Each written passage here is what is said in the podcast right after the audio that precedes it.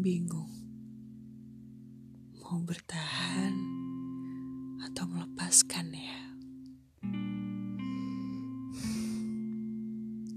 Rasanya kalau aku coba bertahan dengan hubunganku yang seperti ini akan sakit, akan pincang,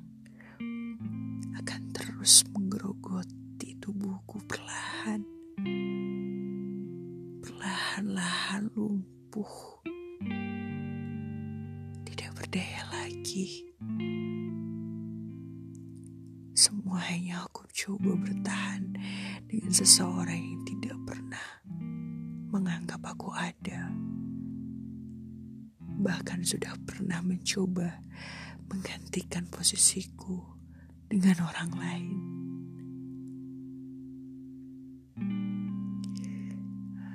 Namun aku tetap memilih bertahan Hingga pada akhirnya aku tahu akan berakhir sama.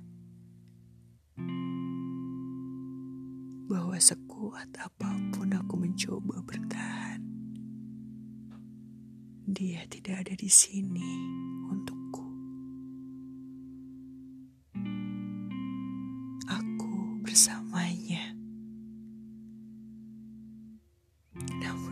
Dia tidak ada.